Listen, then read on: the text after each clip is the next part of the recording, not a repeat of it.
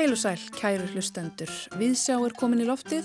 Tómas Ævar Ólafsson og Halla Harðardóttir hels ykkur miðugudaginn 7. desember.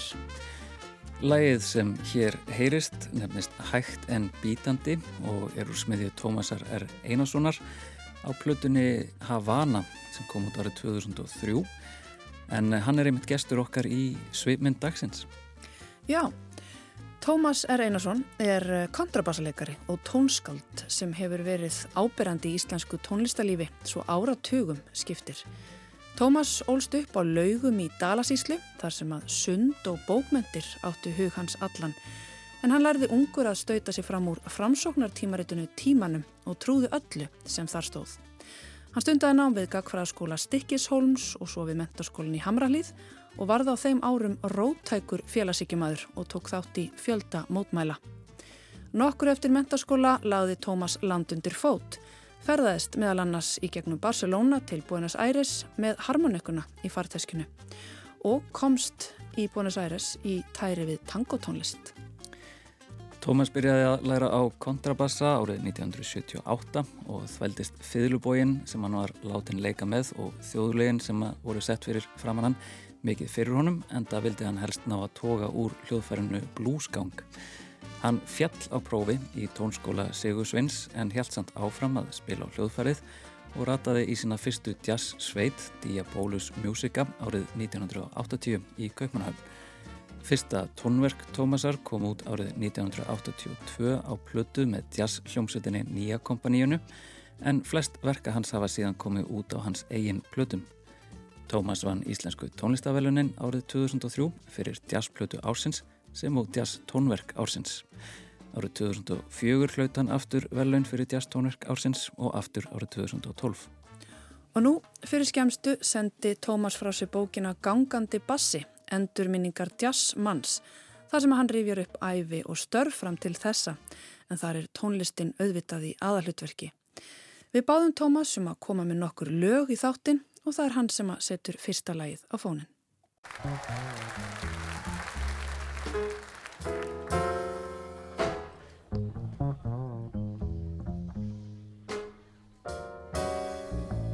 Ain't got the change of a nickel Ain't got no bounce in my shoes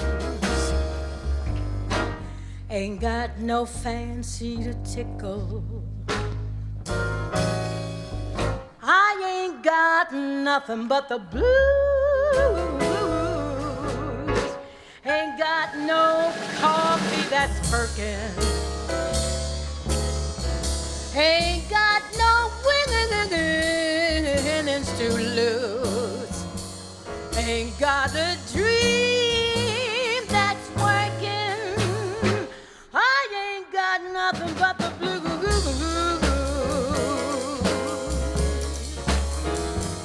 troubles flare up, I keep my hair up. I just can't keep it down. Believe me, Pappy, I can't stay happy since my ever loving baby left town. Ain't got no sleep in my slumber.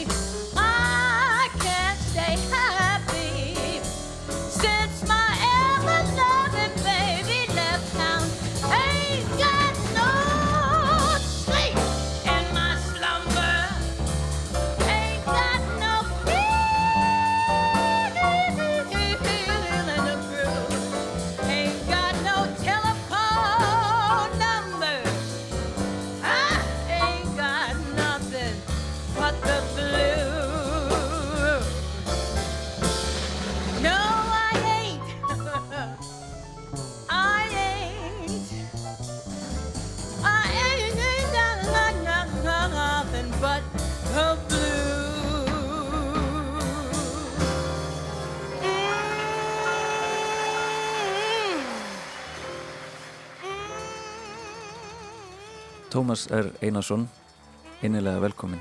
Takk fyrir það. Og hvaða tónlist eru að heyra? Svona hljómaði Ella Fitzgerald með tríuði Tommy Flanagan sumarið 1977.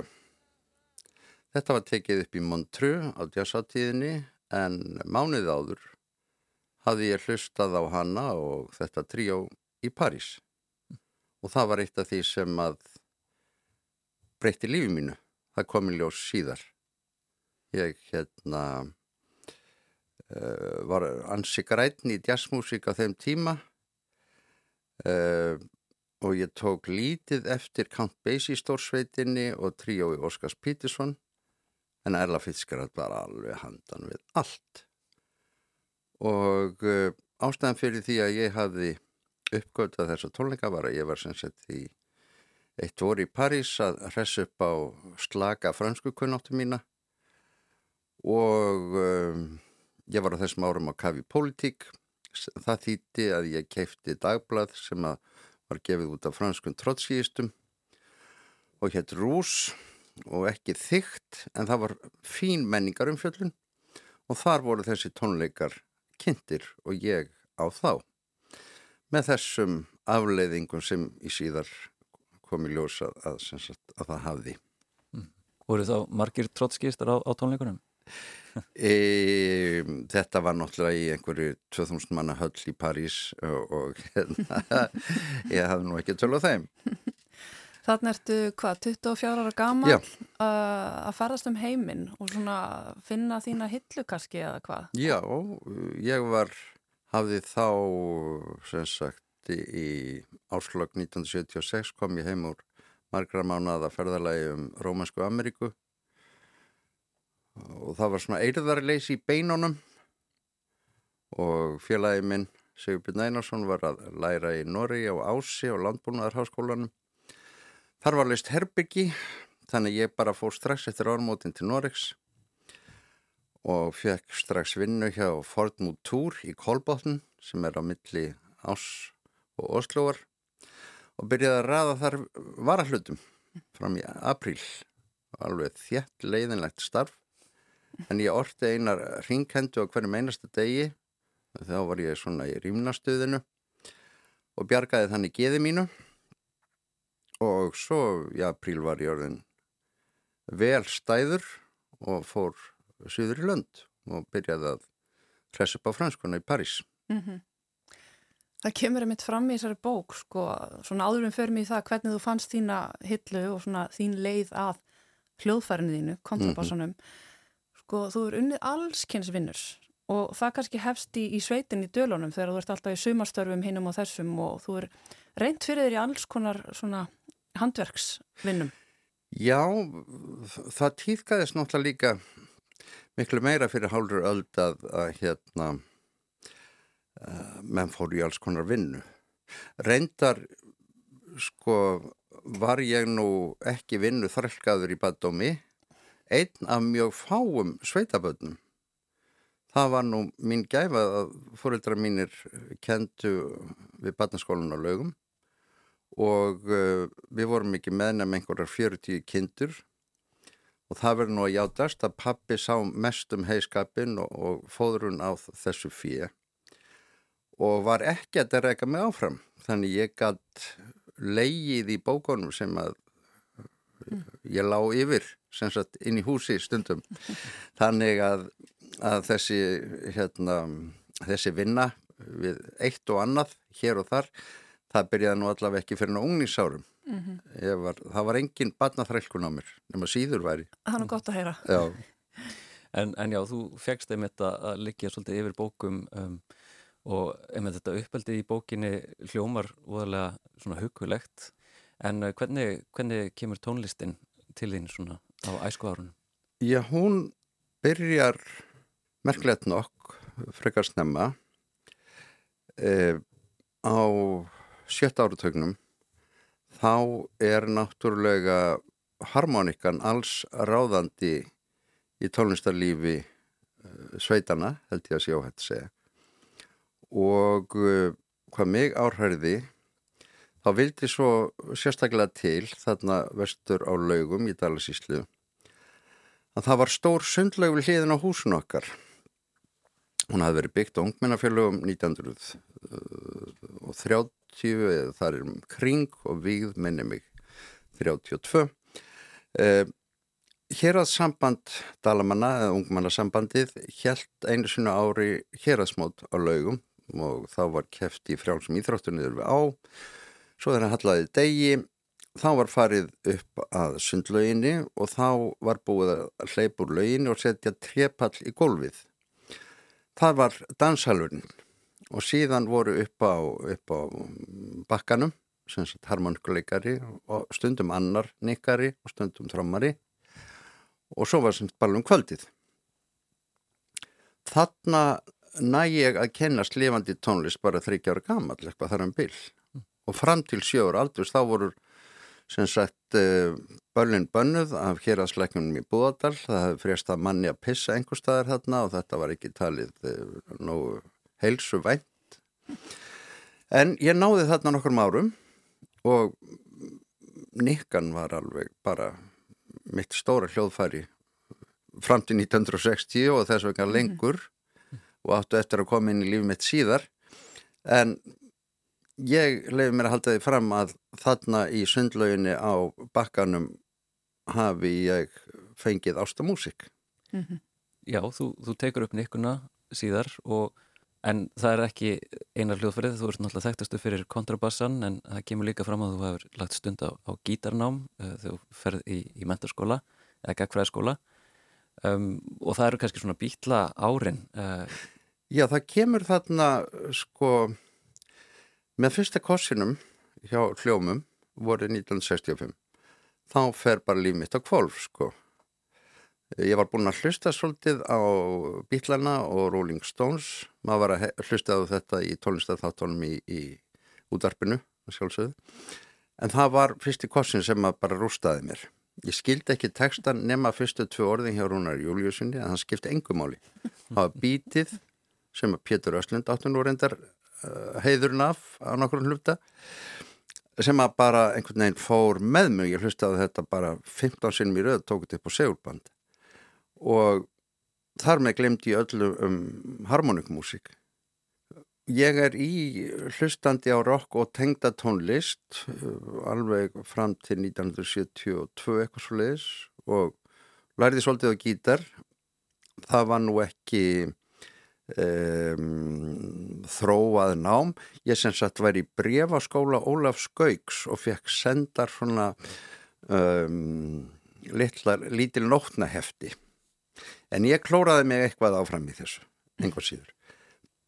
Svo uh, detti ég fyrir tilvílun í símanskúrum út á landi út af það að prófa litla uh, harmoniku 1972 og þar með dætt ég aftur inn í bandnæskuna og þar með e, dætt ég svo líka onni harmonikum námfóru lærunikuna og, og hérna og dætt inn í tango líka því mér fannst það eiginlega það flottasta sem ég heyrði spilað á nikku. Og þegar lengra leið þá fekk ég þessa mm, hugmynd sem ég losnaði ekki við að fara til Argentínu, til Buenos Aires og hlusta á menn spila þessa stórkostlugu tangoharmoniku bandonión mm. ég, hérna, það var argentinski tangóin sem ég fannst einhver fínasta harmoníkumúsík sem ég hafði heyrt. Þar fættist þessi hugmynd með að fara til uh, Suður-Ameríku og ég veist að ég er því bjargarlaus ef ég get ekki talað einhverja spænsku þannig að þetta þurft að hugsa þetta eins og, eins og mikið plan. Þannig ég byrjaði að ég að fara til Spánar höstin 1975 og læri eitthvað í spænsku til þess að geta bjarga mér við það að hlusta tango í búin særis. Svo hafði þetta margvíslegar afleiðingar í för með sér bæði bráð og lengt. Mm -hmm. Því líkt masterplan.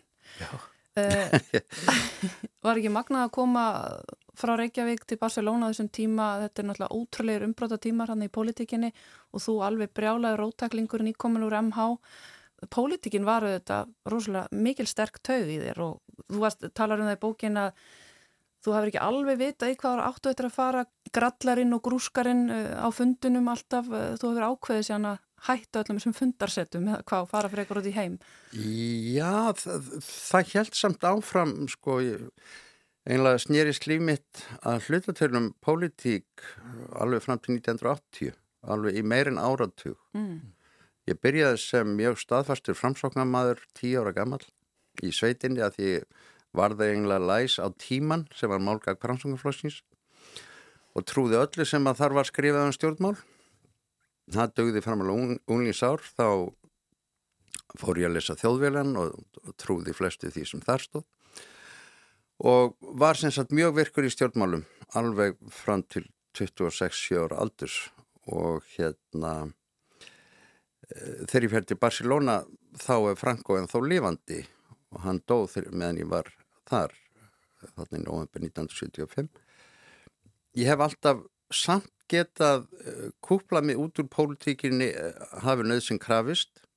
Og ég var komin til að hérna, læra spænsku og ætlaði að gera það hratt að læra það sem ég þurfti að læra. Þannig að ég fylgdist bara með henni nokkrum daginn utanfrá og hérna og þótt ég sé vittlaus þá var ég ekki svo vittlaus að vita að maður hagaði sér ekki eins í einræðisíki eins og í, í hérna líðræðsíki sem Ísland var. Og gildi svo líka um það þegar ég, það var reynilega einræðsíki um allt í Suður-Amerikur þegar ég fór þar. Og þá náttúrulega bara gæt maður sín mm -hmm. og fer ekki að tala bladra frjálst og fúst við uh, hvað sem er. Þannig að uh, ég var ekki pólitíst virkur á spáni, ég er náttúrulega reyndar lendi í mótmælastöðu þar við fangilsið í desember með konunni sem legði mér þar sem við stóðum 30 fyrir framann uh, 100 manna sveita gvarðið því vil með bissur sem miðið á okkur og tók þátt í fyrstu fjöldamátmálum reyndar í februar uh, gegn Franko þeim fyrstu síðan 1939 síðan fólk fjög, fór út á stræti þannig ég var nú ekki alveg saglaus en almennt var ég uh, að læra spænskuna mm -hmm. og auðvitað var ég að lesa allt með pólitískum augum og svoleiðis mm -hmm. og eins í Suður-Ameríku það óhjákvæmilega horfið ég mjög og hugsaði mikið um þessa pólitísku hlið og, og sennilega meir um það heldur en músíkina. Mm -hmm. þó að það hefði verið tangon sem að rakmið angað upphaflega. En hvernig voru síðan svona viðbreyðin um, að koma til Argentínu? Hafandi kannski þennan farangur, svona sveita harmoníku farangurinn uh, og, og áhrifin það sem hafðir heyrt frá Argentínu en, en að koma bara í land harmoníkunar, hva, hvað breytist? Það var náttúrulega hvað maður að segja magalus upplifun og sterk og það þau skipti sem við hlustuðum á tangamúsík þar var stórkoslegt, ég hafði náttúrulega bara hlustað á þetta plötum hér heima á Íslandi en ég fekk staðfestning á því að þetta hafði verið rétt ákverðin hjá mér að, að fara til Bónus Æris svo var ímislegt annað sem var ekki kannski jafn heitlandi eins og það að e, þegar við erum þarna höstu 1976 þá er hérinn búin að taka völdin og er, er að hefja útrýmingastríða Montoneros sem voru vinstir sinnaði peronistar og það var að hefjast mikil óöld sem að síðar var kallað skítugastriðið Þannig að e, það var reyni hernar ástand þarna í Búnus Æris. Þó gæti ég keift þarna e, hvæðasafn e, eftir Pálunni Rúða, Kant og General e, og sendt heim í sjópósti til Íslands því ég vissi að svo bók hafi verið á bókabrennum í Chile hjá Pinochet og svo var náttúrulega Chile næst. Það var, þar var mjög grátt og hérna raunni Tíli fekk ekki uppreist næri mínum huga fyrir en ég kom þangað meirinn 20 árum síðar þá að spila kontrabassa. Og þá var allt frjálst og fallegt en e, það var grátt þá og e, það voru eiginlega herfóringjastjóðnir út um allt. En það breytti því ekki að þetta er makalus álfa og hefur alltaf verið í mínum huga einhvern veginn Rómask Ameríka. Alveg sérstakur staður í veröldinni og heitla með miklu meira bæði músiklega og einhvern veginn mannlífslega heldur en flestir aðri staður í veröldinni. Mm -hmm. En eh, tölum þá um kontrabassan, Já. þína leið að honum. Það gekk ekki alveg áfallalust fyrir sig að, að kynast þessi löðfæri? Nei, þetta var náttúrulega bara eins og hverjunu dilla sem ég fekk sko, ég fekk mjög mikið að dillum og galnum hugmyndum og ég yfirleitt reyna á þar uh, ég hafði séð þarna 1978 eftir ég var búin að hlusta á Ellu í, í París og svona, hafði séð á tónleikum hjá Djassvækningu hér í Reykjavík Fridrik Theodorsson spila kontrabassa. Og mér finnst þetta rosalega flott hljóðfæri. Og stundum var verið að spila svona jazzblúsa og þetta hljómaði alveg unaðsklega voru 1978 kemur svo Níls Henningarstuð Peðsinn tríóið í bóði djarsvækningar og þar var komin á þeim tíma og þess vegna allra tíma flinkasti kontrabásileikari veraldar. Og um, þetta ítti daldi undir mig, þetta var svo flott hljóðfæri og það var eftir að gera allt á þetta síndist mér. Þannig ég fer í uh, vetarlant nám hér í tónskóla Sigursveins í stöttumáli Þár var átti ég að halda þar að boga og spila þjóðlög en mér langaði að spila blúsgang. Þetta gekk ykkur upp með harmulegum afleggingum þegar ég var eh, reygin í próf um vorið og ég ætla aldrei að snerta þetta hljóðfæri meira. En svo er ég náttúrulega ekki stabíl en það að þremur fjórum mánuðin síðar þegar ég var búin að, eh, þegar ég var fluttið til Noregs, búin að vera á borpalli, eða byggja borpalli í Stafangar, þá átti ég peninga og sé kontrabassa í búði í Oslo og keftan og þannig hófst uh, þessi saga. Mm -hmm. Já, fráleitt, það var ekki eins og ég ætlaði að fara að gerast tónlistamæður það dætti engum í hug. Langt fram á nýjunda áratugin að, að, að líta á sig sem jazz tónlistarmann. Ég menna, hvernig átti hann að lifa? Mm -hmm.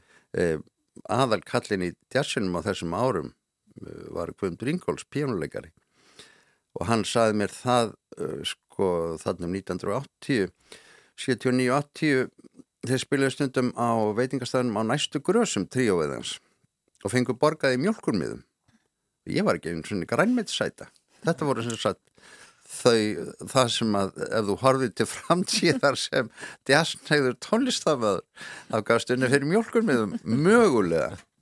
Þannig að ég var náttúrulega bara að leika mér mm. en fyrir tilvílun örlegan og þær eru endalysir í mínu lífi þá var ég á leiðinni frá Oslo til Kaupmannahafnar að læra portugalsku að því að ég valdi mm, spænsku útfræði hvað hann var fallið á prenti. Svo var ég eitt sumar á Ítalíu að því að það var svo fallegur klingjandi tótni í tölskunni en tungumáli sem að hafði einhvern veginn dýfsta hljómin var portugalska og ég hef búin að hlusta mikið að bossa náa músík frá Brasilíu. Þannig að láð þá ekki beint við að læra portugalsku mm -hmm. það síndist mér algjörlega augljóst og stemdi á það sem sagt þarna í Kaupanahöfn en uh, eh, vinnuminn sem að ég skrifaði á baðum svona umsóknarið bara Haldur Guðmusson var þá að læra bókmæntfræði hann sagði ég er búin ráðið í hljómsveit. Hann hafði nefnilega komið heimsókn og sá ég stóð við kontrabassan og hann síndist þetta bara verið í lægi hjá mér Ríði mig í hljónsveit, Diabólusinn músika, setni útgáfin af því bandi og síðan hef ég ekki hægt. Emitt, the rest is history eins og sagt er. E, það er þín orð. Einmitt. Þessi hljómsveit, Diabolus in Musica, hér það. Já. Þú talar um það í, í bókinni mitt að í framhald af því um djassin og brauðið, hvernig ég lifa af Mhm. og það er þetta stór spurning í lífi hverra mannesku Já, og þú hefur eins og við tölum á þann unnið allskynnstöru meðal annars varst að skúra með já, já. Þetta hefur verið svolítið, já, æfindarlegu tími.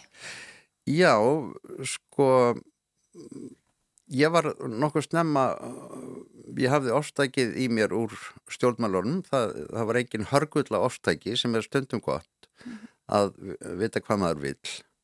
Og hérna, ég ætlaði bara að jazzmúsikin, það var algjörlega sokkin. Þarna eh, fljótlega eftir 1980 þá var verið að stopna tónlistaskóli FIH og í fyrsta sinn gat maður svona einhvern veginn var maður komin inn í samfélag ungra jazzmanna. Eh, Ég var sem sagt ætlaði að leggja fyrir mig músík sem ég vissi að var ekki hægt að nota til að vinna fyrir sér en þarna á nýjönda áratökun hugsaði ég um mig, ég er jazzmaður uh, það er kannski 5% af því sem ég fæ tekjur fyrir jazzbil sem að dögar sem er hluti að lámas framfæslu hinn 95% þau bara nægi í einhver, með einhverjum öðrum ráðum en ég er og ég er að starfa og ég ætla að verða jazzmúsikant þannig að ég tók þetta bara handablinu má segja. Já, Hvað varstu að starfa við þá meðfram? Varstu að, varstu að spila tónlist eða varstu með... Ég var náttúrulega að spila tölfur, það var nú ekki, ekki morð upphæðnar í, í þeim bransa, þá frekar en nú og minna þá en nú.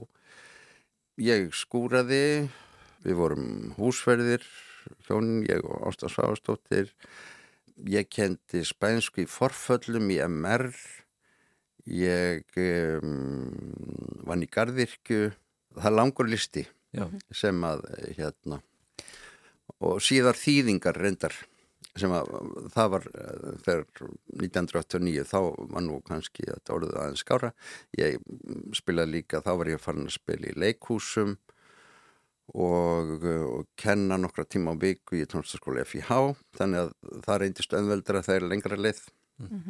Og, og kemur eitthvað svona augnablik það sem að það rennur upp fyrir þeirra að svona, já, nú, nú er ég orðin tónlistamæður.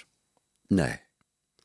E, þetta, ég var einhvern veginn, fekk þessa vissu e, 1980 og ég vissi náttúrulega ekki hvað yrði, ég menna Jón Bassi Sigursson, kennarinn minn, sagði þú ættir að stefna á symfóníuljónstina, sagði hann, því að hann vissi að þar væri tekjur.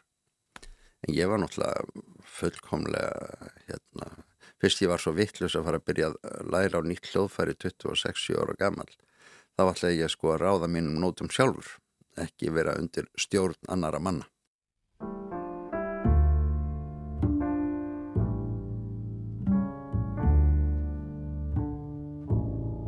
Er hilur snjórin hvíti sálar glögg og sjeffin neytar hverri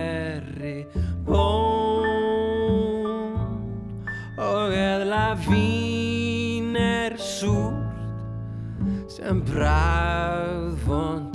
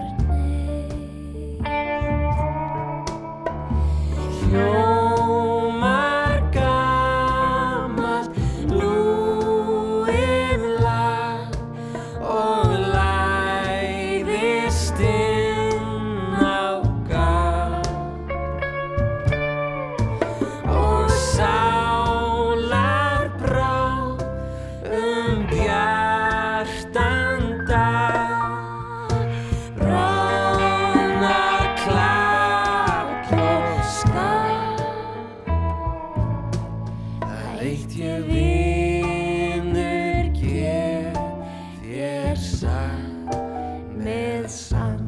Er situr einn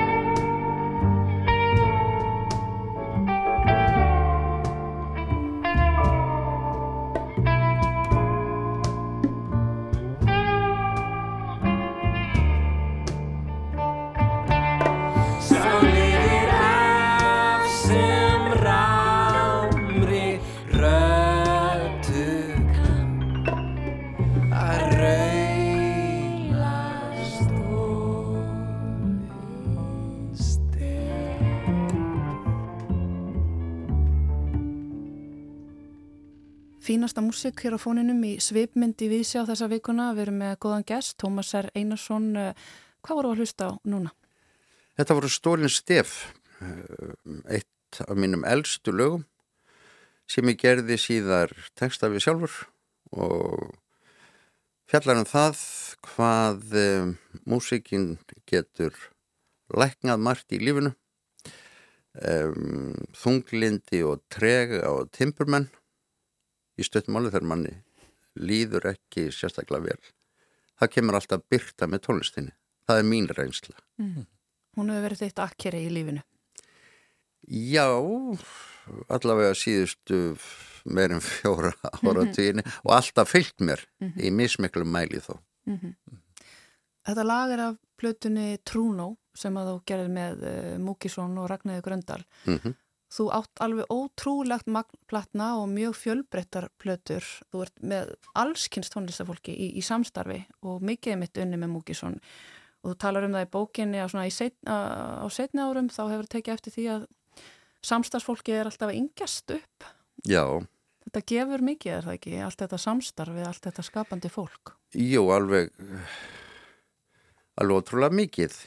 Það er fólk með aðra sín, aðra hugsun sem ég hef mjög gott af því auðvitað trénast maður upp með árunum eða festist í sínu getum við sagt og þá er gríðarlega gott að fá fólk með annan hljóm, aðra hugsun því að úr því kemur eitthvað nýtt sem er náttúrulega annað eðli djastónistarinnar að, að eh, þar sem að sem sagt, uh, ólík viðþorf rekast saman og, og, og, og sprettur fram eitthvað nýtt. Það, það neistar á milli og, og kemur eitthvað annað. Stundum er það vel hefnað í önnu skipti síður en það er um, alltaf hérna, áhættunar virði myndi ég segja.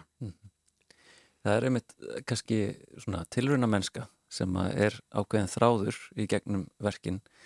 Um, þetta er kannski óhefbundin leið til að fara sem jazzmaður, uh, fleiri myndi ég segja, fara þess að svona að spila standarda leiðina. Um, svona, hvers vegna að halda alltaf í tilruna mennskuna? Sko, nú held ég sé í rauninni, ég myndi sent kalla mig sko tilraunadesmann og ég er fáver snertifleitur á minni tónlist til að mynda við frjálstjas, það sem er svona tilraunamennskan er, er tekin út í Ístuæsar.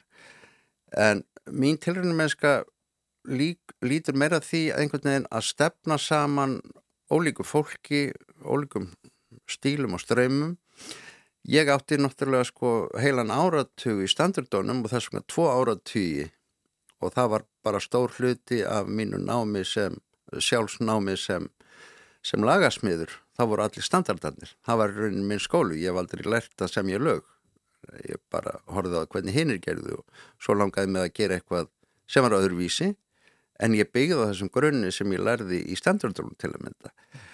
Og hérna, mér langaði að búa til eitthvað sem að sem mætti kalla heillandi óskiljanleika svo ég noti orð Guðbergs Berssonar um myndir Karls Kvaran og síningu 1985 eða 6 eitthvað óskiljanlegt en fagurt. Það var sagt, þess, þannig hugsaði ég hérna, hátt í 20 ár.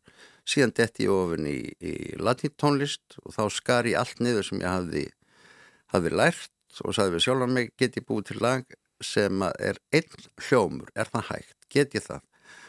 Og get ég búið til lag sem er áttataktar í staðan fyrir 32, 24 og svo framir þannig ég var að augra mér og, og það er kannski drivkrafturinn og allar þessar tilraunir. Þar hefur líka í för með sér samstarf mjög ólíkt fólk bæði hér heima eldri og tónlistumann fyrst síðan yngri og síðan náttúrulega alla þá kúpani sem ég vann með og Erlenda jazzista sem ég fekk hingað Jens Winter, Frank Lacey og fleiri.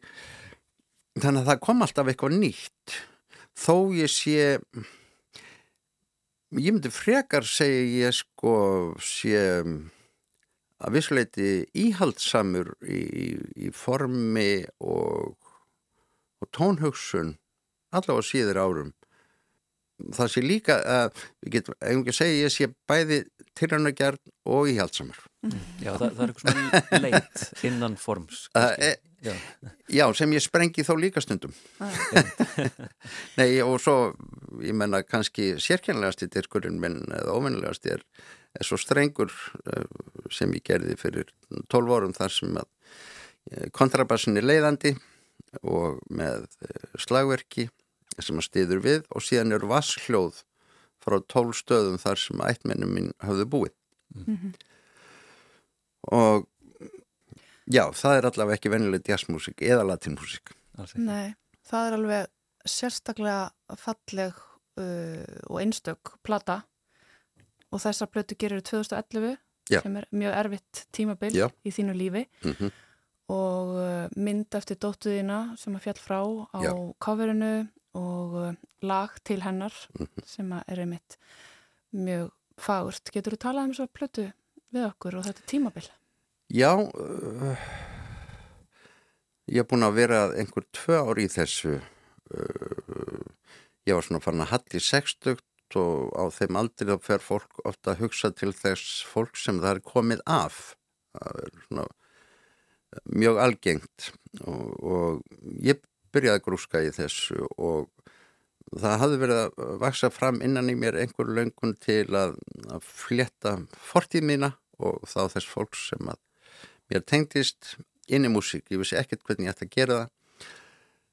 En fæ einhverja hugljómun og hún tengist standasíslunni Þýðriks Vallavatni sem er rétt hjá Holmavík þar byrjaði þetta eventýri og í tvö ár er ég með videóvél og upptökutæki við ár og læki og vötn og sjó vitt og breytt við húnaflóa, vestur í dölum vestur í öraufum þar sem að mitt fólk hafi búið af því að reynir flest ummerki um þetta ófræga alþýðu fólk sem ég hef komin af voru horfin. Eh, nöfn á stöku stað kirkjubækur, fátt annað. En þetta fólk hafði heyrt uh, þessa músík sem ég var að taka upp. Músíkin eh, vassljóðið, söngur vassins hafði ekki breyst á þessum 100, 150, 200 árum. Þannig að þar fann ég tengingu við þá sem ég var komin af á einhvern máta. Það var svona grunn hugmyndin í, þessu strengsverkefni fyrir utan það síðan að þegar ég sekk onni að þetta þá var ég algjörlega heitlaður af hljómi vassins við mjög ólíkar aðstæður. Þó ég var alveg upp í sveit og hefði verið flæst víðar sem símamaður og svona þá, þá upplifði ég landið, náttúruna og vatnið á allt annan hátt en noktuminnaður Það gerist síðan þegar þetta verkefni er langt komið að uh, dóttur mín Ástríður uh, lést af slísfönum og uh, það fór náttúrulega langlegina með að rústa lífmanns en þegar maður er ekki einn í lífinu og fleiri börn þá verður maður að standa uppréttur og það var það sem ég reyndi að gera og samti til hennar lag sem var lokalag plötunar. Og tónlistu þá kannski einmitt, eins konar akkeri eins og við höfum talað um því tímabili. Já, hún getur verið líknandi líka sko Mm. að, ekki síst í rauninni eins og margur hefur reynd í lífinu að, um, að því að uh, það er oft misþægilegt að, að segja hluti beint eða skrifum það á prenti það sem að kannski hefur uh, stæstu höggin í lífinu getum við sagt. En uh, þá ef, ef að fólk hefur til þess kunnáttu einhverja uh, að koma þeim tilfinningum, þeim hugsunum út í gegnum tóna þá er það uh, bjargræði í rauninni. Og finnst þér tónlistin kannski þá líka ná jafnvel lengra en orðin inn í vitundum? Hún fer dýbra. Mhm. Tónlistin, eins og ég sé þetta, uh, hún, hún er alltaf sönn. Það er einhvern veginn, ég er ekki viss með þetta sé 100% rétt hjá mér, en ég held að þú getur ekki, allavega jazzmusik, ég þóra ekki að fulla um aðra tegundur tónlistar, það er mjög erfitt að ljúa í músík. Og um, rauninni þegar lengra líður þá með maður ekki síst þá menn sem að koma til dyrna eins og þeir eru klættir í músíkinni. Um, ég nefnir þetta í hug bara núna eitt dæmi. Röddin í Chet Baker. Engin ógnur við Pavarotti var einu sinni sagt um hann en hann hefur þetta að manni finnst og hann er einhvern veginn algjörlega að tala frá hjartanu. Ella hafði það líka Ella Fitzgerald og fjöldamargir góðir. Ég þekki mest til í jazzins til jazzins og, og þetta eru það í nöfn sem ég dettur fyrst í hug. En uh, það er einhvern veginn þú tógar nóturnar út úr þér eða það er flæða út úr þér og, og það er einhvern veginn það er engin annarleg viðhorf eða mm, ytri sem að uh, eiga að tröfla það flæði og þannig ertu held ég sannastur í tónlistinni. Mér langar að uh, tala aðeins um kúpu hér undir Mhm. lokin og fyrst erum að tala um sannleikan og tónlistina og bara Mm -hmm. þá þurfum við kannski að nálgast almættið næst, ég veit það ekki. Þú talar um það í bókina þegar þú heyrðir Enrique Horín spila, þá hafi það verið eins og að finna Guð. Það var reyndar Rúven González en hérna Ok, ég nefn að Rúven González var að spila lag eftir Enrique Corín.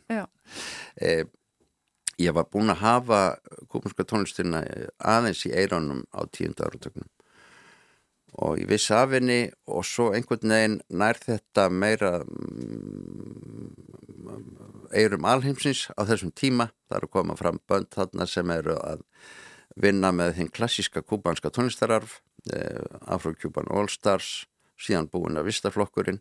Ég var komið aðra löppin inn í þetta í hlustun, svo fyrir að hlusta betur á þetta og þá bara, það var bara eins og að heyra Ellu Fitzgerald í fyrsta sinn. Ég bara fjall killi flatur og það kom hitti líka þannig á mig að ég var búin að vera í rauninni í hljóma krosskátum í, í jazzmúsikinn minn og semja flókin ljóðurann verk og svo framvegis. Og ég var orðin svolítið þreyttur á sjálfum mér. Það, það, það hittir þannig á mig. Þá kemur þessi hérna mjadma væna tónlist frá Kúpu og þar er þar er höfuð intakið gleði. Í rauninni í minni eh, tónlist á nýjönda og tíunda áratökunum hún er tregafull í grófum dráttum þótt sé undatekningar það var svona ríkjandi tilfinning. En þarna kom eitthvað og, og, og kátínan getum við sagt yfir því að vera á lífi hafði búið með mér alveg frá fyrstu tíð. Ég var gladvær þetta hefur alltaf tógast á í mér tregin og kátínan. En það er ekki fyrir en þarna undir 2000 sem ég einhvern veginn uppkvætaði gleðina í kúbansku músikinni og hún varð mér mikill innblástur. Það, þú gefur síðan út uh, plötur með, með kúbanski tónlist uh, í kjör, Já, með, ég gef út, ég gef út plötur síðan með eh, minni eigin tónlist undir umtalsverðum kúbanskum áhrifum, Já. með kúbanskum músikantum. Íslenska tónlist undir kúbanskum áhrifum kannski. Já, Um, nákvæmlega. Hvort ekki að þetta lifir í mínu tilviki sem sagt, kallast þetta á sem sagt lífsgleðin og, og síðan treyji yfir ímsu, treyji býr í flestu fólki. Að mörguleiti sko speiklar uh, latintónlistu mín ekki síður skapferli mitt heldur en jazzmúsíkin. Allt speiklar þetta manna sjálfsögðu en það var allavega komið ný leið ég var hann þreyttur að tjá mig í hreinræktuðum jazzi og hann var komið ný leið til að segja það sem ég langaði til að segja Einmitt. Ég held við séum komin að lókum því miður. Við erum búin að tala um tregan og gleðina og kátinuna. Ég held við ætlum að enda í mikill kátinu ofan í sundlaug. Horfa aftur tilbaka kannski hérna í lókin, ekki satt, Tómas. Sundhetjan af plötunni Bongo. Uh, Ég ólst upp í Sundlaug, vesturalaugum og lærði mest að músikinu þar. Meðum aldrei fór ég svo að synda aftur og um, að því að syndi aldrei rétt, mér var aldrei tekist að gera hlutina rétt, ég gerði það alltaf með mínu lægi, syndi, syndi alltaf vittlust sem krakki, en komst þó áfram og þannig kannski má segja að líf mitt hafi líka verið. Þetta leiði til þess að í Vestbæðulauginni þá er ég eins og gammal trukkur á eftir flinku fólki sem flýgur áfram en það breytir því ekki að þetta er dásamlegt fyrirbæri sundið. Og ég orti hvæðum þetta þessa betur og sundareinslu mína sem er þá samt ágætt sundhetjan.